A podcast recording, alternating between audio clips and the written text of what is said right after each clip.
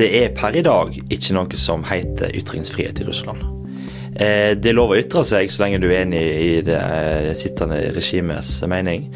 Alle andre avvikende meninger blir brutalt slått ned på, på alle mulige måter. Det er innført helt absurde lover som begrenser ytringsfriheten. It's a disgrace.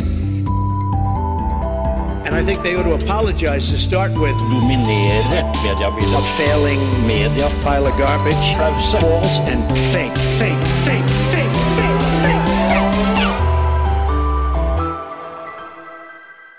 Han har jobba hele karrieren for journalistikkens vilkår i Russland. Et halvt døgn etter krigen brøt ut, så sa han opp jobben i Nordlys for å jobbe i den internasjonale reportergruppa Investigative Europe. Velkommen til pressepodden, Amund Trellevik. Takk for det. Vi skal snakke om Russland, ytringsfrihet, krigen i Ukraina og journalisters arbeidsvilkår. Men først noen ord fra våre annonsører. Dagsavisen satser i Nord-Norge, og vår ambisjon er å gi hele landet en stemme. Vil du jobbe med de store sakene fra nord og Norges forhold til Russland? Da kan du fort være en av journalistene vi søker etter. Amund, vi spiller inn denne podden lørdag 2. april på SKUP-konferansen, hvor vi har verdens beste pressefrihet. Hva tenker du om den kontrasten til det livet du kjenner til i Russland akkurat nå? Nei, Det føles jo eh, både veldig absurd og litt sånn eh, trist, også personlig trist. Jeg har jo masse venner som jobber som journalist i Russland. Og venner som har måttet rømt ut av Russland pga. det som foregår eh, i det landet nå. Men det er jo veldig fint å kunne være her i Tønsberg og snakke med mange andre norske journalister som også er veldig opptatt av de forferdelige vilkårene eh, våre russiske venner og kollegaer jobber under nå. Og det har vært masse debatt om det her i helga. og til og med starta en innsamlingsaksjon som skal hjelpe eh, russiske journalister som nå lever i eksil og under svært tøffe forhold. Du, eh, det er ikke, For de som ikke kjenner deg, du, du eh, har jo eh, vært med på et norsk-russisk samarbeid i mange år. Leda det nå til slutt også. Vi fikk jo en nobelprisvinner med redaktøren i Novaya Gazeta bl.a. også, sammen med Maria Reza. Du intervjua han på scenen på Svarte natta-konferansen for flere år tilbake. Og du snakker russisk. Kan du fortelle litt hvorfor har du denne interessen for Russland? Nei, Jeg må innrømme at jeg en gang i eh, min tidlige karriere som elev eh, var på ungdomsskolen, spurte læreren min om eh, hvorfor ikke Russland var med i Nato. Og Da så han oppgitt på meg og sukka tungt, og så skjønte jeg at det må jeg finne ut av sjøl. Og der starta vel interessen for Russland, da. Og Russland har på en måte prega store deler av mitt voksne liv på alle mulige måter privat, pro, eh, profesjonelt. Eh, hun jeg er gift med i dag, traff jeg i Moskva. Hun, hun er norsk, da. Eh, jeg, jeg, fikk min første faste jobb i Kirkenes, et steinkast unna Russland. Jeg har eh, jobba i snart ja, over ti år med å prøve å få det sivile samarbeidet mellom Russland og Norge til å fungere. Så for meg å se på den eh, forferdelige krigen som utspiller seg i Ukraina, er jo en stor, stort personlig nederlag. Med tanke på all den innsatsen jeg og andre, mange andre har jobba for å bygge et sterkt sivilsamfunn i Russland og kritiske og uavhengige medier. Um, og så er det jo um, mange ting med Russland som er veldig flott. Um, jeg ble spurt for noen uker siden, det var før krigen starta i Ukraina, et uh, blad som heter Syn og Segn. Redaktøren har spurt meg om jeg kunne skrive en kort tekst hva jeg syns er fint med Russland. Og det var jo da i de ukene det var veldig sånn opptrapping i konflikten før krigen brøt ut. Da tenkte jeg at det er så mange ting som er flott med Russland, og jeg syns det er veldig flott at det finnes redaktører som tør å tenke, altså spørre folk om det i dag. For det er, det er så mange ting som er, som er flott med Russland, historisk og kulturelt, og ikke minst folkene. Og da svarte, var mitt svar da at, i den spalta at jeg syns det beste med Russland er den russiske balstukulturen. Som blir sett veldig høyt, og jeg har masse venner som også liker å gå i russisk badstue. Um, Dmitrij Muratov, som vant Nobels fredspris uh, i fjor, han var jo i Oslo og mottok uh, sin, sin, medalje som han nå skal auksjonere vekk for til inntekt for ukrainske flyktninger. Han sa jo i sin tale til SKUP-konferansen i går at man må ikke skjære alle russere over en kam.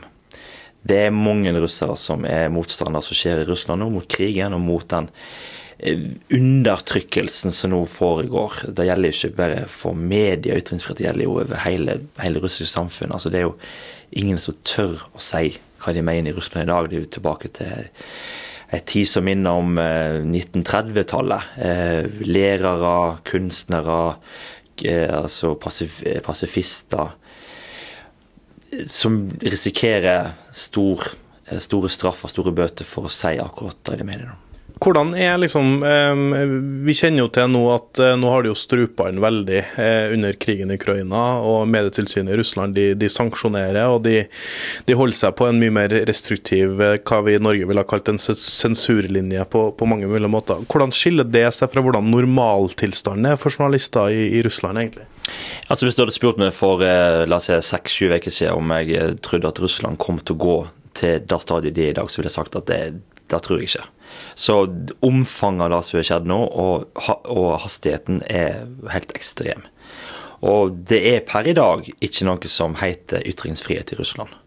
Eh, det er lov å ytre seg så lenge du er enig i det eh, sittende regimets mening. Alle andre avvikende meninger blir brutalt slått ned på, på alle mulige måter. Det er innført helt absurde lover som begrenser ytringsfriheten. Sensurlover. Eh, man har kun lov til å bruke offisielle russiske forsvarskilder for å rapportere om, om spesialoperasjonen i Ukraina. Krigen er ikke en krig. Eh, ikke lov å si. Det, de har taua inn over 15 000 mennesker som har demonstrert for fred. Det var en absurd situasjon her for noen dager siden i Moskva, der en eh, en, en, vanlig ung mann han stilte seg ut eh, opp på gata foran en metrostasjon og holdt fram bankkortet sitt. I Russland så har de et banksystem som heter MIR, MIR, og på russisk så betyr det jord og fred. Eh, og Politiet kom på plassen og visste ikke helt hva de skulle gjøre, sant? for han holdt på bankkortet sitt. Der der sto fred. Og, sant? og Det forteller litt om absurditeten i hvor, hvor, hvor Altså, ikke engang Um, altså da, da, da, forteller om hvor langt innstrammingen har, har, gått på alle ulike nivå i det russiske samfunn. Og vi nevner da, Vi hadde en debatt her tidligere i dag på Skup, og der snakker vi om hvorfor er det ingen av alle disse her som jobber med Russland, som har sett den utviklingen her tidligere. Og Da uh, dro vi en parallell til klimajournalistikken, fordi der snakker man ofte om i sånn veldig store ord. Altså, Nå har vi ikke lenger ord igjen å bruke om klimakrisen. For vi har jo varsla at jorden skulle kollapse i, i over ti år. Det har vært litt der med Russland òg. Eh, allerede på midten av 2000-tallet sa vi at å, det er helt forferdelig i Russland, og det er ikke ytringsfrihet. Jo, det har vært en viss grad av ytringsfrihet eh, helt fram til nylig i Russland. Man har hatt en, hånd, en håndfull uavhengige Eh, eh, medium og masse journalister som har rapportert om det som skjer. Stadig tøffere, men det har vært rapportering. Men dermed i dag, der det er en total sensur, eh, det har ikke vi hatt før. Og det er jo nå vi må hente fram de tøffe ordene, og da har vi kanskje brukt opp eh, fra før, da. Eh, og, og, du har jobba med, med, dette spørsmålet gjennom Barents Press. Du har vært eh, og, og leder der på, på, mange måter også. Hva er det som er igjen av det arbeidet dere har lagt ned alle disse årene? da? Nei, Det er jo derfor jeg eh, sitter på en sånn stor personlig sorg her. fordi at eh, til alle praktiske formål er jo det arbeidet nå eh, det, altså det er ikke lagt til uriner, men det er lagt på en måte på is. fordi at eh, Banksanksjoneringen gjør jo at det ikke er mulig å overføre penger til Russland. Eh, vice versa. Det er ikke mulig å reise mellom Norge og Russland. altså Landforbindelsen og flyforbindelsen er stengt. Eh, vi har våre russiske kollegaer med prøve å få dem på en konferanse vi skal ha i, i, i Finland i mai. Da vi, vi må fly dem via Istanbul. Eh, alle sånne praktiske ting eh, eh, er jo mye mer vanskelig. Og så er det jo den, den litt mer alvorlige undertonen her, er jo at hvis ikke vi opprettholder nå eh, et, et, en form for samarbeid med de få uavhengige journalistene som er igjen, som forsøker å gjøre en jobb, så, eh, så vil jo det ta veldig, veldig mange år å bygge opp igjen eh, den form for samarbeid når Jeg sier når dette regimet kollapser. For på et tidspunkt så må det jo kollapse. Eh, eh, da viser historien at eh, til slutt så vil jo et sånt autoritært regime knekke sammen av seg sjøl. Eh, nå begynner sanksjonene å slå inn i Russland. Eh, det er noe som heter på russisk at når, når kjøleskapet er tomt, så slutter russerne å se på TV. Så Putin på TV er ikke mye verdt når ikke folk har mat i huset. Og Kanskje de da vil gå ut på gatene.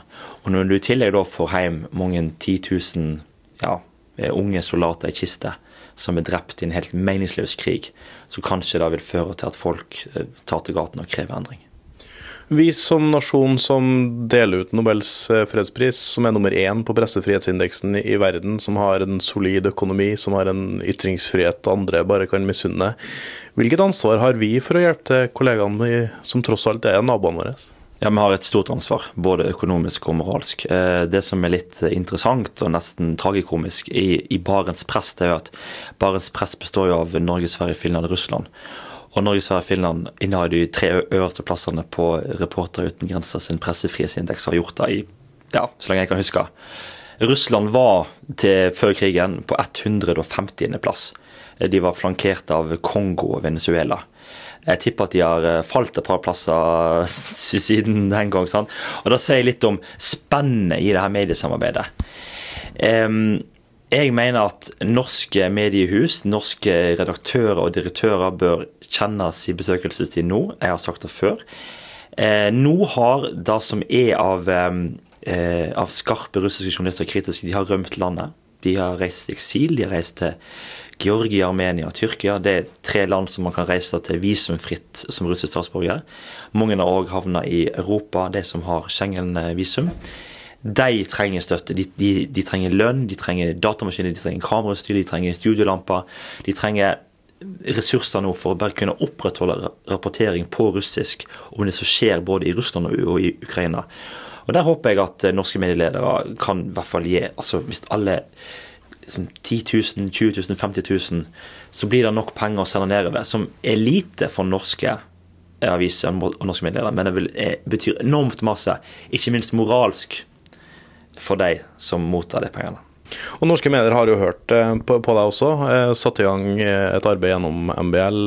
Stavanger Aftenblad sin klubb har gitt 100 000 kroner, den type ting. Så, så det skjer jo noe der også på, på, på alle mulige måter.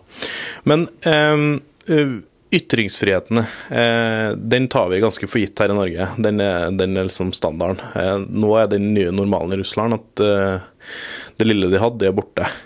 Hvordan er det i Ukraina? Hvordan, hvordan blir det nå framover, tenker du? Journalister sitt arbeidsvilkår, eh, hva man har lov til å si og ikke dersom denne krigen skulle vedvare over tid. Hvordan påvirker det den journalistiske situasjonen der? Altså, eh, det er klart at Ukrainske journalister står jo òg i en krig, men i en annen type krig. De, jo, de risikerer jo å få raketter i hodet. Så de er jo opptatt av sikkerhet. De vil ha vester, de vil ha hjelmer. De vil òg ha lønn, eh, for, altså penger til å betale lønn ut til, til sine journalister. Eh, jeg snakket med noen som driver et sånt journalistsenter vest i Ukraina. For det var det viktig å få inn penger til å betale lønn til alle lokalavisjournalistene og regionsavisjournalistene, som faktisk er jo det som er i de områdene der det er krig. Eh, Det er ute på, I de små og mellomstore byene det er jo det der det er kamphandlinger. Og faktisk rapportere om det som skjer i disse områdene i Ukraina. Og eh, bare da sørge for at de får utbetalt lønn, som gjør at de ikke finner seg noe annet eller flykt, er veldig viktig for egentlig å ha et øye med hva som foregår i krigen. Så ser vi jo da at eh, sant, i, en, i en krig sant, så er det jo eh, og, og det er liksom Jeg vil ikke si at eh, Det er ikke noen kritikk av på en måte ukrainske journalister, men det er klart at det er jo lett å bli altså Alle er jo, følelse, altså, er jo følelsespersoner. Og når landet blir angrepet på den brutale måten nå, så er det jo lett å gå eh, altså at eh, pendelen svinger helt andre veien. At man glemmer at man er også journalist og skal være objektiv og profesjonell oppi det her. Ehm, så um, uh, Ukraina er jo et land som også før krigen har slitt med, med en del utfordringer som kanskje har vært underkommunisert i vestlig presse. altså Kjempestore korrupsjonsproblem, ineffektivitet, nepotisme, eh, oligarkstyre der òg, som det selvfølgelig er i Russland òg. Og litt av president Putins mål siden krigsannekteringsjonen 2014 har jo vært å gjøre det vanskelig for Ukraina å bli en velfungerende stat. Og dermed har liksom tvunget nesten Ukraina til å bruke hele sitt statsbudsjett på å, å ruste opp Forsvaret. For Da har ikke de penger på å bygge nye veier barneskoler alle de tingene. Og da ser vi òg på, på, på pressesituasjonen, veldig polarisert. Oligarkstyrte medier. Men eh, vi får se hvordan det går når krigen håpeligvis snart er ferdig. Og så er det sånn at uh, Denne krigen har jo eskalert, uh, og, det, og, det, har jo vært krig i, i mange år i, i, forkant her også. Hvordan vil du karakterisere norske medier og europeiske medier sin dekning av den eskalerende konflikten som igjen endte opp med at det gikk inn i, i Russland? Har vi klart å informere borgerne på en god nok måte at dette kom til å skje? Nei, altså, um, nå er jeg, jeg er ingen krigskonsulent. Jeg har aldri jobba i krigssone sånn direkte. Jeg har ikke sånn spesielt kjennskap til sånn militærteknisk. Men det er interessant uh, for meg, og sikkert mange andre i retroperspektiv, nå å se at på tross av at Putin hadde, hadde oppmarsjert så mange soldater langs grensa til et naboland, så trodde ingen det kom til å bli krig. Eh, og det er en erkjennelse som også vestlig presse må, må ta inn over seg. Altså, hvorfor, var, hvorfor var ikke det flere militæreksperter som var intervjua i forkant her? Eh, altså, hva betyr det når du setter opp 150 000 mann eh, og kaller det en øvelse på en måte få kilometer fra grensa til et suverent naboland? Jeg skulle gjerne likt å sett mer at man er at man eh, eh, ikke blir så låst til teori, men også ser hvordan ting ser ut i praksis. For Der har også journalister en kjempe eh, å gjøre, viktig rolle å gjøre. Absolutt. Og så tror jeg man, man burde sett mer på historikken. Sett på hvordan eh, Putins regime har utvikla seg. Eh, og hvis man har lagt det to sammen, så tror jeg at man lettere kunne forutsette at det kom til å bli en væpna konflikt. Altså, Jeg tror ikke det var noen vei utenom. Dessverre. Men, men vi journalistene vi, vi har jo en, en, tendens til å kjøpe inn stoff eksternt, og vi forholder oss til nyhetsbyråer og, og stringere og den type ting. Men kanskje har denne krigen også visst hvor viktig det er med boots on the ground og egne øyne og, og sånt, eller? Absolutt. Absolutt. Og um, eh, nå har det ikke vært altså Det har vært litt sånn eh, spesiell forhistorie til krigen. altså Det har vært koronapandemi, sant? lite reising. Um, men jeg vil jo påstå at den norske rapporteringen av som skjedde i Ukraina, har vært veldig god.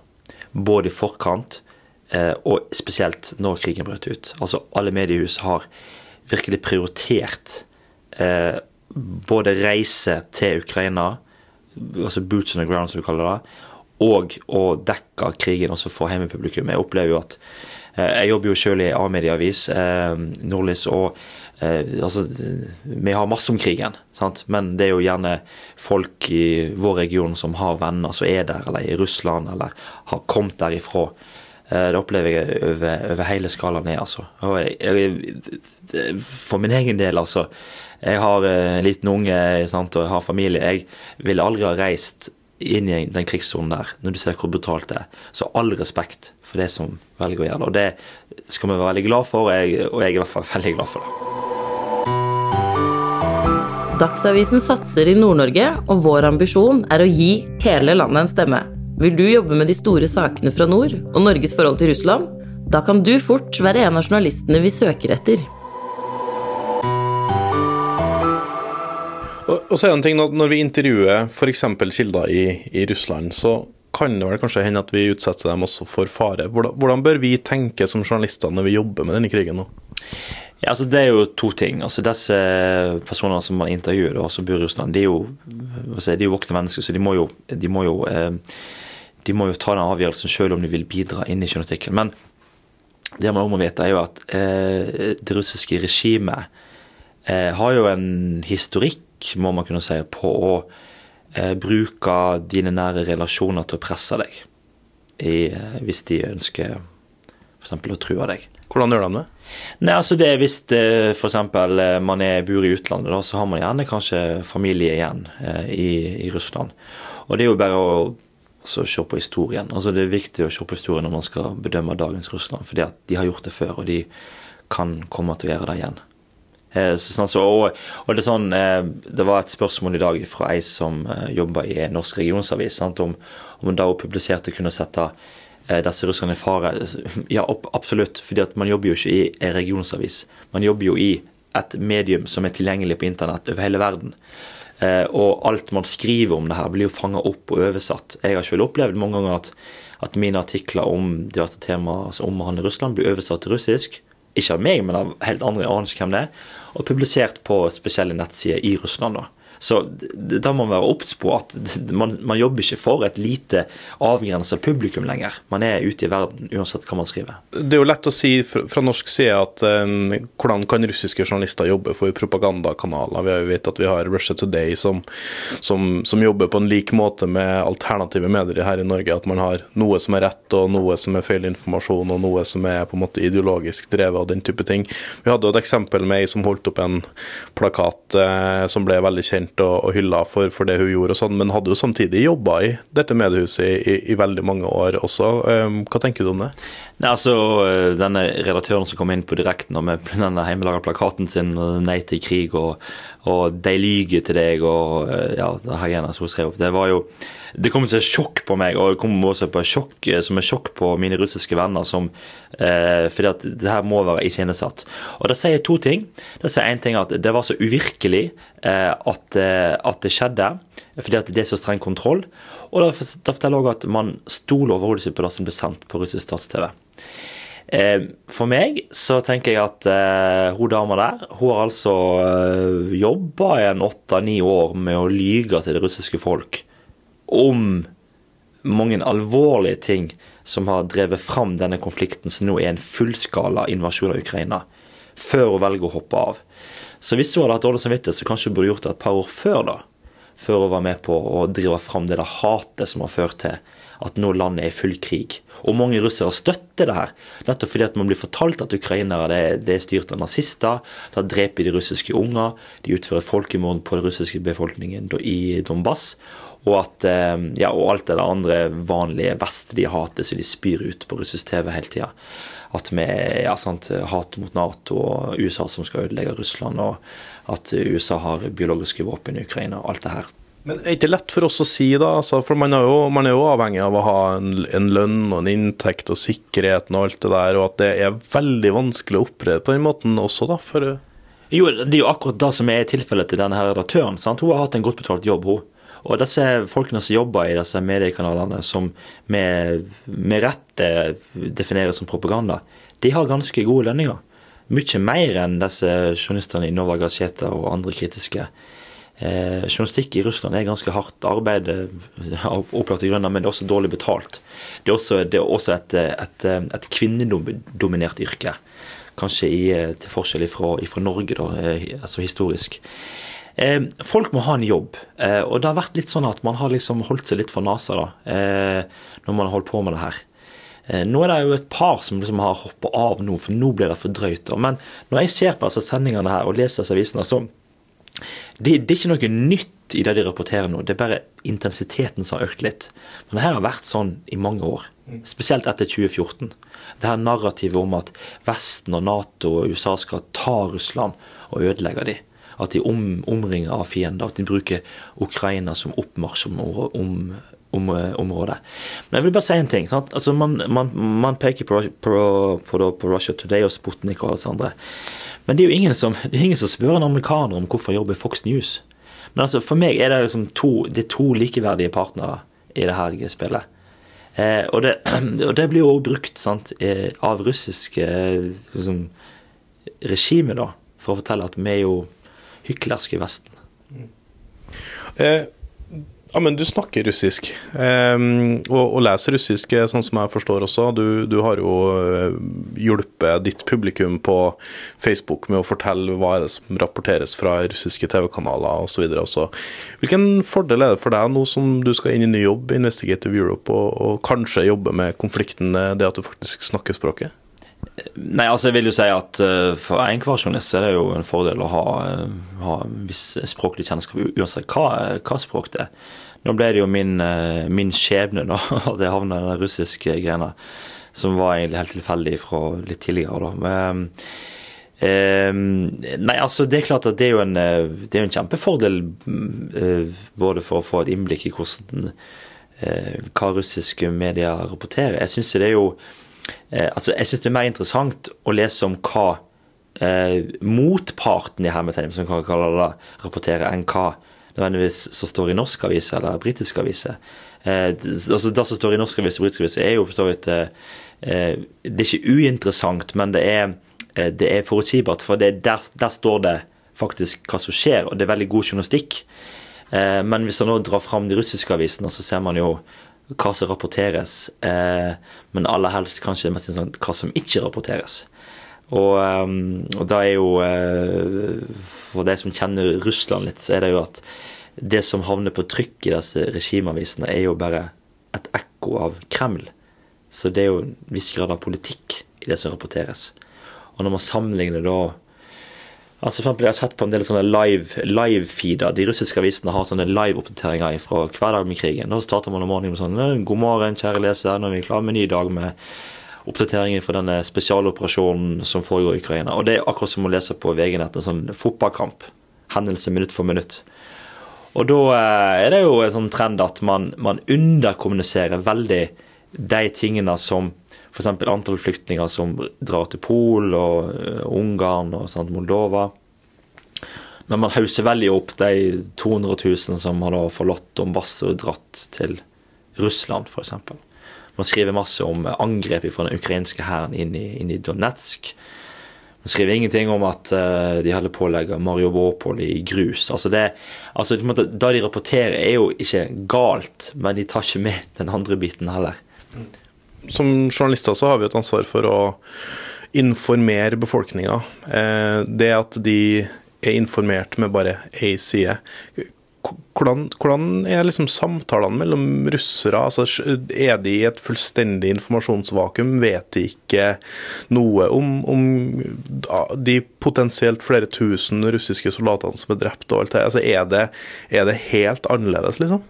Altså, jeg tror man må snakke om at man har en slags form for generasjonskløft. Eh, man har den TV-befolkningen som står og stirrer inn i disse her tre statskanalene døgnet rundt, og får servert eh, ja, løgner og propaganda og falsk informasjon eh, en masse. Og, eh, og, så har man da den eh, som vi kaller for internettgenerasjonen, som søker alternative kilder.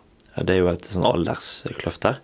Og det som eh, i internettgenerasjonen, de jo, bruker jo verktøy for å omgå sensuren, altså VPN-nøkler. Eh, ikke, ikke, alle, men, men, noen gjør det. Så de får med seg et, et, større og bedre bilde. Og så når man snakker om denne TV-generasjonen, så er det viktig å huske på at um, denne propaganda, eller ensrettingen i russisk TV, den starta ikke liksom i går eller i fjor eller for to år siden. Den har holdt på i altså siden midten av 2000-tallet. Eh, Putins eh, fremste mål når han kom til presidentmakta i, i 1999-2000, var jo å ta kontroll over TV-stasjonene. Så, så, så, så, gikk det et par år før han fikk liksom full kontroll. Men i dag så er det jo veldig ensretting, og det er jo det som gjør at folk tror på det her. Altså Det er jo ikke av ond vilje, men det er så massivt, det som blir fortalt. At man, at, at man sitter i et informasjonsvakuum, altså ei egen boble. Altså, Jeg har venner eh, som har familie i, i Russland, altså høyt utdanna folk, som ringer og forteller at ja, men nå, nå bomber russerne unger i Ukraina, og det er sivile som dør. Nei, nei, nei, det stemmer ikke, sier familien i Russland. Så det her splitter familier. Det er opprivende. Eh, det er skikkelig ille, altså. Og så er det sånn at du forlater jo nå eh, den største avisa i, i Nord-Norge, Nordlys, eh, hvor, du har vært de siste årene, eh, og så skal inn i reportergruppa eh, Investigate Europe. Eh, bare for å fortelle litt om det, fortell oss litt, hva er det for noe egentlig? Altså Investigate Europe er et, egentlig et slags journalistnettverk, et uh, konsortium av journalister som, er, er, som bor i ulike land i Europa. Det er rundt 15 reportere med. Eh, jeg blir en norsk reporter i prosjektet, og det handler om at altså Bakgrunnen for uh, Investigate Europe var at uh, det ble grunnlagt fordi at veldig mange ting som angår hele Europa, er for kompleks og vanskelig å løse alene eller i ett land eller ett mediehus. Men med å samarbeide på tvers av grensene, altså i ulike EU-land, så får man et langt bedre grunnlag for å drive kritisk gravejournalistikk. Og det som skjer i praksis, er at vi velger et tema. La oss si ja, krigen i Ukraina, da. Eller eh, vi kan ta migrasjon, da. Eh, så jobber alle reporterne i sitt land med sine kilder opp mot sine baser, databaser, og driver fram research som blir felles for alle reporterne. Så jobber vi fram saker i fellesskap, men publiserer på vårt språk i vårt land. Eh, journalistikken blir bedre. Eh, man får fram eh, hvor viktig det er med altså hvor viktig på en måte disse her transeuropeiske prosessene er for også et land for Norge. Altså, Vi driver for mennesker som tror at Norge er ikke med i EU. Vel, Norge er vel så godt som med i EU uten å være medlem. sant? Og det som skjer i Europa, har veldig store påvirkning på våre liv. Um, så Derfor syns jeg det her er et veldig interessant prosjekt. Og de andre reporterne som er spredt ja, fra Hellas i øst til Portugal i vest og sånt, Norge og Sverige i nord, Eh, bidrar jo med på å fortelle sånn, viktige ting for innbyggere i, i hele Europa, da, men til vårt publikum i Norge. Eh, og du er den andre reporteren eh, fra, fra Norge også. Du skal ha en, en kollega på Sørlandet, etter det jeg har forstått eh, også. Eh, Hvilke type saker er det du på en måte skal angripe eh, eller begynne å skrive om når du, når du begynner i den nye jobben? Da? Nei, altså, nå har jeg ikke begynt ennå. Jeg, har, jeg har litt Jeg har fått eh, sånn info om hva vi skal jobbe med framover, men kommer ikke til å fortelle om det her, da. Men det er jo, det er jo, det er jo store altså Det er ikke nødvendigvis ting som eh, på en måte velter en regjering eller velter liksom makta, men det er jo ting som er viktig for folk over, over, hele Europa. Og det som er på en måte gjennomgangstonen med de type journalistikk som jeg skal jobbe med, er jo at det, det er så svært og massivt og nesten uangripelig at eh, det er helt forståelig at vanlige medier ikke har altså har ressurser til å gå inn eh, i de tingene her. Og Derfor er, jo, eh, er jo finansieringen for prosjektet sånn at det er en, det er en del grunnfinansiering i, i bunn. Private stiftelser, bl.a. Norsk Fritt Ord inne med betydelige midler, som sikrer at vi har noe man kan kalle ei anstendig lønn i bunn. Og resten eh, vil være eh, salg av våre artikler. Altså Jeg kan ikke komme til deg som redaktør med en artikkel som jeg har jobbet med i tre måneder og si at den skal jeg ha 120 000 kroner for.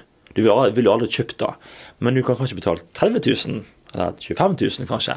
Eh, og, og, det er jo det som er med på både at eh, journalistikken blir produsert og publisert, og at vi kan ha en lønn å leve for. Mm. Eh, og så var Det sånn at du, det gikk jo bare et halvt døgn fra krigen brøt ut til du sa opp eh, som lokalavisjournalist eller regionavisjournalist. Eh, eh, hvorfor det, egentlig? Altså, det, jeg, jeg, jeg, er veldig eh, komfortabel med det. Jeg tror mine foreldre er litt mer uh, uroa, men jeg har forklart at det kommer til å gå bra, det her. Jeg var i Kirkenes, av alle ting. jeg fikk jobbtilbudet dagen før krigen brøt ut.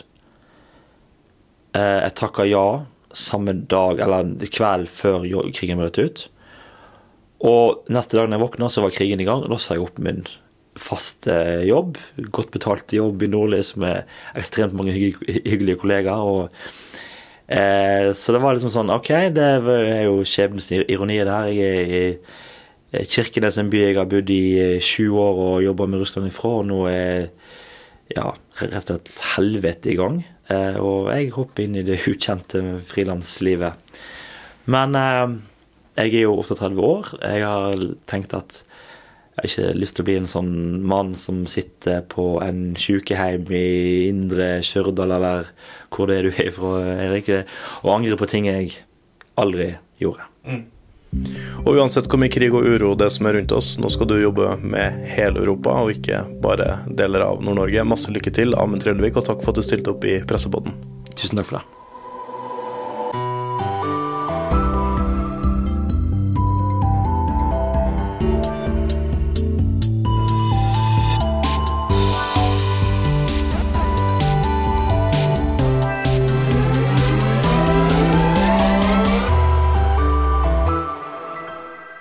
Dagsavisen satser i Nord-Norge, og vår ambisjon er å gi hele landet en stemme.